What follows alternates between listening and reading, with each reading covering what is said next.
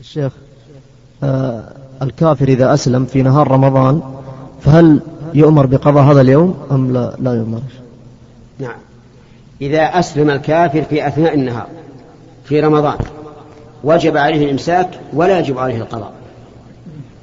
لأنه في أول النهار غير مأمور بالصوم. فيجب عليه الإمساك ولا يلزمه القضاء لأنه في الأول ليس أهل الوجوب نعم. فضيلة الشيخ بعض المدارس يفعلون مسابقات وهذه المسابقات الجائزة عليها كأس. ما حكم الكأس؟ كأس حديد يا شيخ. عادي إيه. أسأل السائل. ها؟ كأس يا شيخ. إيش الكأس هذا؟ زجاج؟ لا لا حديد؟ حديد يا شيخ. بعض الأحيان يكون ذهبي بعض الأحيان لكن المدارس الآن حديد يكون الكأس. لا لا بأس بذلك. لكن لماذا لا يكون شيئا ينتفع به؟ لأن هذا الكاس يمكن ينتفع بكاس من النايلون أحسن منه. ليش ما يصير شيئا نافعا؟ إما ساعة إما قلم كتاب. هذا أفضل. فصل مثلا كامل يعطون كل طالب جائزة عينية شريط ولا كتاب؟ ما يخالف أنا أقول الكاس للفصل كامل كاس عشان يحط الفصل. الكاس لا. لأن أصل هذا الكاس الظاهر مأخوذ من من من غير المسلمين. ثم هو أن يفهم أنا. أن الكاس غير الذي يكون مو كاس يشربه. لا ما يستخدم الشرب ولا ما يستخدم للأكل ولا شرب ولا شرب. ما يستخدم ولا يصلح. عبارة من زينة. زينة نعم. بدل هذا ندور شيء غير الكاس. هذا اللي أرى. ما يجوز لنا ما أقول ما يجوز التحريم صعب. لكن أرى أنه يعطى شيء ينفع. صار هل ترك الصلاة على النبي صلى الله عليه وسلم. من أذية الله ورسوله. وهل يمكن لأحد أن أن يترك الصلاة على النبي؟ أليس سيصلي؟ في خارج الصلاة. ما هو لازم.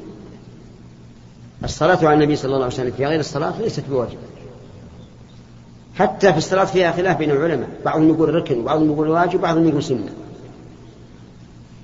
عرفت؟ لكن لا أظن أحد يحب الله ورسوله يدعو الصلاة على النبي. أبدا. نعم. إذا هي ليس ليس ترك الصلاة على النبي صلى الله عليه وسلم. في خارج الصلاة ليس أذية لله ورسوله. نعم. أحسن الله إليك. فضيلة الشيخ جلسة الاستراحة. أحسن الله إليك. هل هي سنة دائمة أم هي مشروعة للكبير وش للحاجة؟ لأن يجلس قبل أن يقوم للثانية وأن يجلس قبل أن يقوم للرابعة. في الصلاة. غير نعم, نعم. في الصلاة جلسة الاستراحة في الصلاة. نعم. الصحيح أنها أن فيها تفصيلا. من احتاج إليها فليجلس اتباعا للسنة وإراحة للبدن. ومن لم ومن لم يحتج إليها فلا يجلس. هذا هو التفصيل الذي تجتمع به الأدلة. ثم إذا كان المأموم خلف إمام لا يرى الجلسة. فلا يجلس المأموم. لأنه بجلوسه يكون مخالفا للإمام حيث جلس في محل قيام الإمام. وإذا كان مع إمام يرى الجلسة وهو والمأموم لا يراها فليجلس تبعا لإمامه. فالمأموم تابع ليس محور. إن جلس إمامه جلس وإن لم يجلس لم يجلس. على كل حال. وإذا كان محتاج لا بأس يجلس. هذا حاجة. أي هذا حاجة. لكن كما قلت الأولى أن لا أن لا يتخلف إلا للضرورة نعم. يا شيخ ذات يوم صليت صلاة المغرب. إيش؟ صليت صلاة المغرب. نعم. وفاتتني ركعة. الركعة الثانية نسيت دعاء الاستفتاح. يوم قمت للثالثة تذكرت وقلته هل لي سجود سهو؟ لا أولا بارك الله فيك. دعاء الاستفتاح في صلاة المغرب وغيرها ليس بواجب. سنة. وإذا فات فات يعني لو مثلا شرعت في الفاتحة أول ركعة قبل أن تستفتح فلا تعود وتستفتح لأن هذا سنة فات محلها فهمت؟ فهمت زي ولا لا؟ أجب أقول فهمت ولا لا؟ ها؟ أي أقول الاستفتاح سنة ليس بواجب فإذا نسيته حتى شرعت في القراءة سقط ولا حاجة تعيد. نعم ولا حاجة تقول. وكذلك لو, لو, لو لم تذكر إلا في الركعة الثانية لا لا, لا, لا تقول. فهمت؟ نعم. فضيلة الشيخ آه، ما حكم السلام على شخص آه، لا يرد السلام مع العلم أنه مسلم؟ نعم. سلم على من عرفت ولم ومن لم تعرف. وعلى من يرد ومن لا يرد. إذا سلمت ولم يرد نلت الأجر ونال الوزر. لكن لا تسلم سلاما خفيا لأن بعض الناس يسلم سلاما خفيا ما يسمع. سلم سلاما يسمعه المسلم عليه.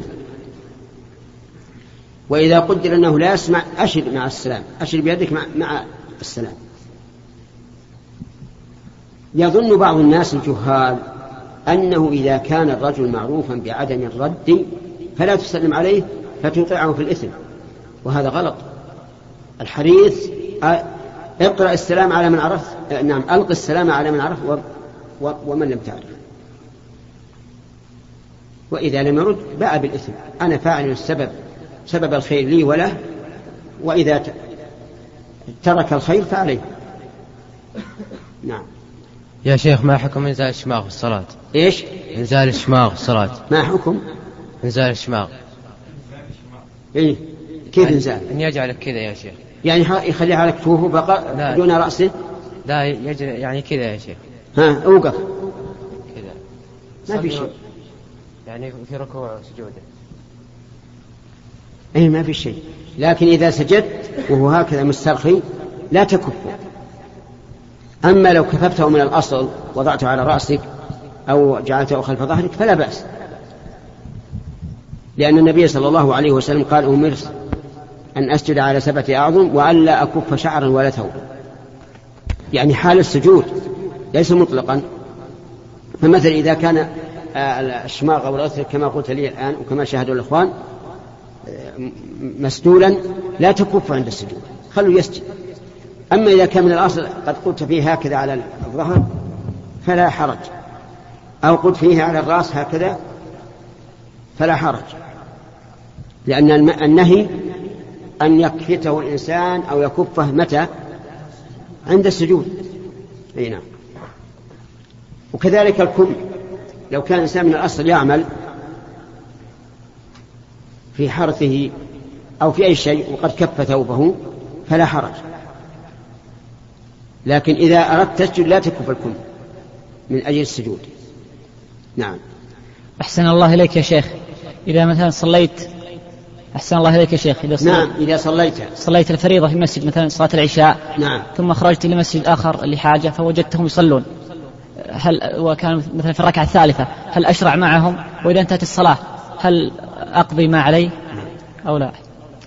هذا يسأل يقول إذا إذا صليت في مسجدي ثم أتيت مسجد آخر وهم يصلون صلاة العشاء.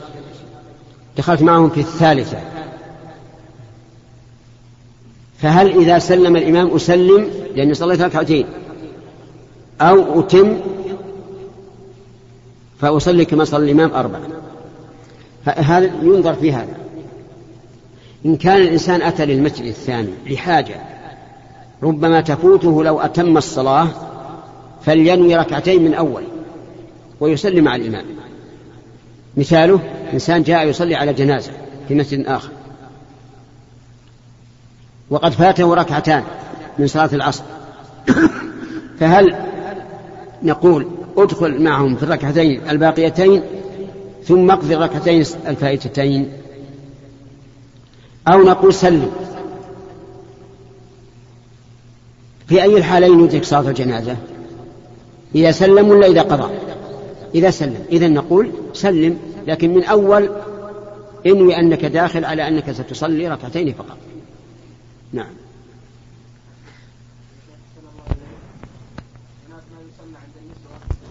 في صفط المناديل بأجنحة الملائكة. فما حكم هذه التسمية؟ وشها أول ما صف المناديل على الملابس؟ المناديل العادية. صف المناديل المناديل على الملابس. تصفط صفطة معينة وتسمى بأجنحة الملائكة. الملائكة؟ إي نعم. أعوذ بالله. النساء يخلن على الملائكة. لكننا ما سمعنا بهذا. هل سمعتم بهذا؟ لا يقول مناديل حقيقية. لا شكل المنديل. يصفط إيه؟ وبشكل معين فيسمى بأجنحة الملائكة. هذا لا يجوز. هذه التسمية لا تجوز. أما الفعل فينظر بعد. إذا كان هذا الفعل موروثا عن نساء الكفار فلا يجوز لأن من تشبه بقوم فهو منهم. وإن كان عادة اخترعها بعض الناس من أهل الإسلام فلا بأس بها في الأصل. نعم. أحسن الله إليك يا شيخ. كنت مسافرا فاتفقت مع وجدت شخص كان في الله في دورة المياه اتفقت معه قلت صليت المغرب والعشاء؟ قال لا ونحن بين المغرب والعشاء. فلما دخلنا المسجد وجدنا فيه شخص يصلي لا ندري ماذا يصلي. دخلنا معه لأن نريد صلاة المغرب فكان يصلي العشاء يصليها أربعا. صلى معه صلينا معه من أول ركعة آه، فلم نجلس في الثالثة. أو أن أو أني جلست لكن شككت لما قام الذي بجانبي الذي دخل معي قام قام مع الإمام للرابعة. شككت أن الإمام يصلي المغرب. شككت أني يعني أنا ساهي ما انتبهت. ولا أعرف أني المفروض أجلس في الثالثة. المهم أن صلينا معه أربع فلما انتهيت من الصلاة سألت الذي بجانبي الذي دخل معي فقال إنه صلى أربعا. قال ما الحكم؟ اجتهدنا فصلينا أعدنا صلاة المغرب ثلاثا ثم صلينا بعدها العشاء ثنتين فما الحكم؟ أثابك الله. هذا لا بأس به. يعني ما صنعتم فهو صحيح. لكن لو أنكم نويتم المغرب وإذا قام إلى الرابعة اجلسوا واقرأوا التشهد وسلموا ثم ادخلوا معه فيما بقي من صلاة العشاء وأتموا. هذه يعني طريق المسألة. لكن أنتم عادتم جزاكم الله خير على خير. أثابك الله شيخ. نعم. آه، حفظك الله قول قول قول ربنا ولك الحمد والشكر. والشكر زيادة والشكر. هل هي واردة أم لا؟ لا لم ترد.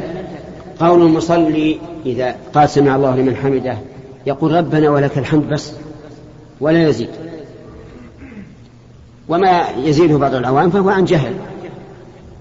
أو لأنه جرى على لسانه بعض الناس إذا الحمد لله والشكر لله. لكن الأفضل اتباع النص. وهل هل يقال أنها بدعة؟ لا هو. ما قصد أن- يبتدع. هذا إما أن يكون جارا على لسانه أو أنه يعني من من باب محبة الذكر. لكن يقال له الأفضل الاقتصار على ما جاء به النص. نعم. أحسن الله إليك يا شيخ. بعض البنوك يا شيخ إذا أودعت مبلغ أقل من خمسة آلاف ريال يخصمون شهريا عشرة ريالات من هذا المبلغ يا شيخ. فما حكم الإيداع على هذه الطريقة؟ ما فهمت. كيف؟ إذا أودعت في البنك يعني أعطيت البنك عشرة آلاف. لا أقل من خمسة آلاف يا شيخ. أربعة آلاف. أربعة آلاف مثلا. نعم. إذا أتى بعد شهر وسحبت المبلغ إيه. ناقص عشرة. ليه؟ يخصمونها يقولون لا يقل الرصيد عن الخمسة آلاف. من باب رفع أرصدة ال- المودعين. الآن الأربعة ال- العشرة آلاف عوض عن إيش؟ عشر ريالات يا شيخ. طيب عوض عن إيش؟ عشر, عشر ريالات. عوض عن إيش؟ ما أدري يا شيخ. لا لازم ندري. أرى أنهم أخذوها بغير حق. لأنه إذا كان هذا الذي أودعهم انتفع بكونها مأمونة هم انتفعوا أيضا باستعمالها. لأن حقيقة الأمر أنه أنه يقرضهم إياها. أليس إذا دخل صندوق البنك؟ فالبنك يتصرف فيها كما شاء؟ نعم. إذا هذا قرض. فكيف يأخذ على القرض فائدة؟ وقد جاء في الحديث كل قرض جر منفعة فهو ربا. فأخذ البنك هذه العشرة ظلم وربا ولا تحل له. نعم. إذا ما يجوز على هذه الصورة يا شيخ؟ على سورة لا. لأنك, لأنك تكون قد أوكلت الربا. والرسول صلى الله عليه وعلى آله وسلم لعن آكل الربا وموكل الربا. طيب شيخ الخمسة وقد تقل مع الأيام يا شيخ. ستقل إذا سحبت منها ستقل. ما في شيء. إذا صاروا ما يأخذون شيء؟ لا يأخذون. ما أنت تقول أربعة فأقل. خمسة فأقل نعم يا شيخ. الخمسة ما يأخذ ما يأخذون. ما فيها نعم. شيء. ما فيها شيء. لكن ما أضمن مع الأيام يا شيخ أن الرصيد يقل. ها؟ أقول مع الأيام الرصيد ليس يقل يقل لكنهم راضين. صاحب البنك راضي. أليس كذلك؟ نعم. انتهى. إذا يجوز إذا كان أكثر من خمسة. المهم أنه يجوز إذا لم يأخذوا منك شيئا ولا يجوز إذا أخذوا منك شيئا. صلى الله عليه عليه ثانيا على على القول بالجواز ال- لا يودع البنك إلا عند الحاجة. لأن البنك سوف يستعملها. فلا تودع عنده إلا لحاجة نعم. يا شيخ نريد جوابا كافي شافي كافي عن حكم صبغ الشعر باللون الأسود وبالكتم لأن الكتم يشبه اللون الأسود. جزاكم الله خير. نعم الجواب الكافي الشافي إن شاء الله أنه لا يجوز صبغ الشيب بالسواد لأن النبي صلى الله عليه وعلى آله وسلم قال جنبوه السواد. ولأنه ور... وهذا صحيح. وهذا في صحيح مسلم. وورد الوعيد على ذلك في السنن. وأنه يكون في آخر الزمان أقوام يصبغون بالسواد كخواف الطير لا يدخلون الجنة أو قال لا, لا يجدون ريحها. وهذا يقتضي أن يكون من الكبائر. أما الكتم فالكتم يخلط مع الحنة. حتى يكون اللون بنيا بين. بين السواد. والصفرة وليس الكتم وحده الكتم وحده يجعله أسود لكن الكتم مع الحنة يخلط و... ويصبغ به فهمت؟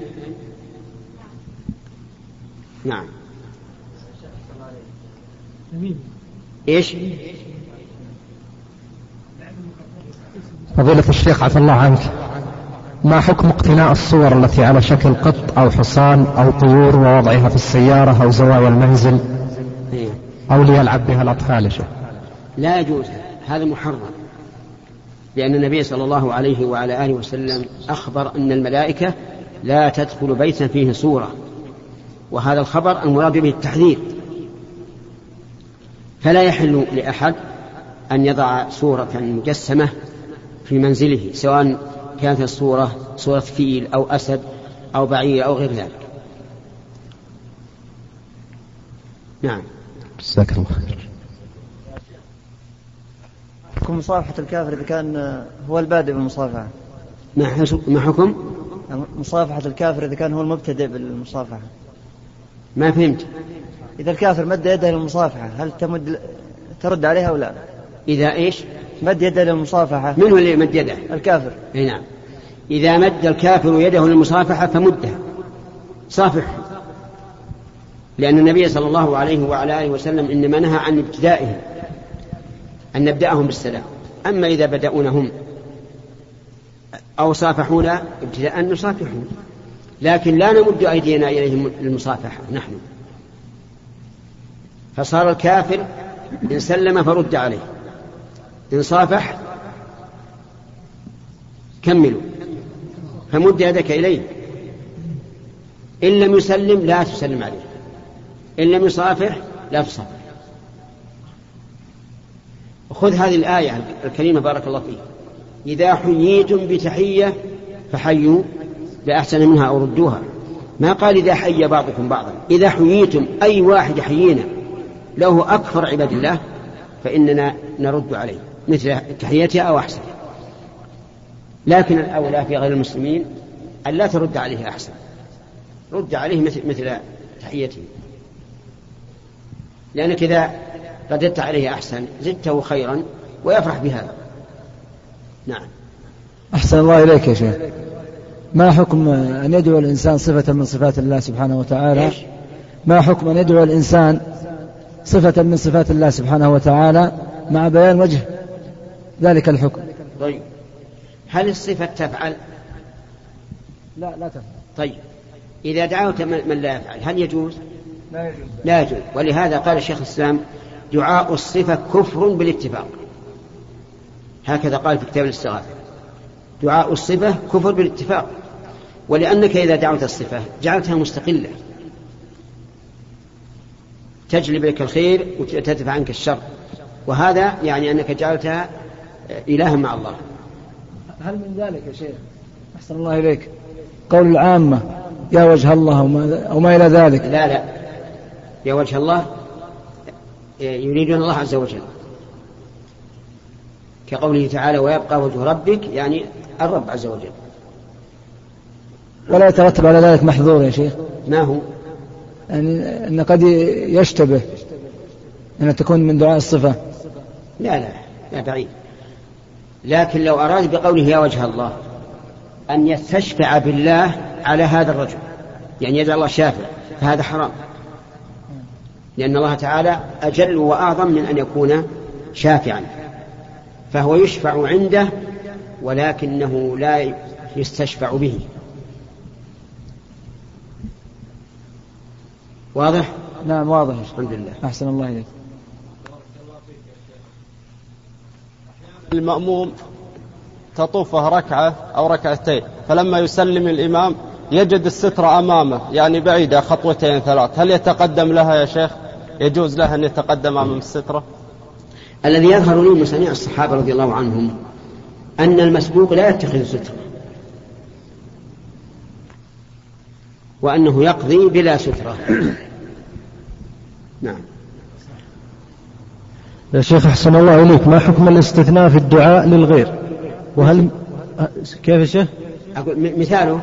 مثال الله يغفر لك إن شاء الله أو وفقك الله إن شاء الله. أو أو تقول اللهم اغفر لي إن شاء, إن شاء الله. اللهم اغفر لي إن شاء الله. وهل من ذلك نعم. قول الرسول صلى الله عليه وسلم للمريض طهورا إن شاء الله؟ أما قول الداعي اللهم اغفر لي إن شئت اللهم ارحمني إن شئت فهذا محرم. نهى عنه النبي صلى الله عليه وعلى آله وسلم. وأما قول إن شاء الله فهو أقل رتبة لكن لا ينبغي. وأما قول الرسول صلى الله عليه وسلم لا بأس طهور إن شاء الله فهذا من باب الرجاء وذلك لأن المريض قد يكون مرضه طهورا له وقد لا يكون. لو كان هذا المريض لم يصبر وقلبه مملوء من التسخط على الله عز وجل ما صار طهور. فيكون إن شاء الله من باب من باب الرجاء. يعني أسأل الله أن يكون طهورا لك إذا صبرت واحتسبت الأجر. وش الغير؟ غفر الله لك إن شاء الله. لا لا تقل هكذا الشيء المعلوم منفعته لا تقل إن شاء الله لأن لأن الله لا لا, لا يفعله إلا بمشيئة. فإذا قيدته بالمشيئة فكأن هذا يوحي أنك مستغن عن ربك عز وجل.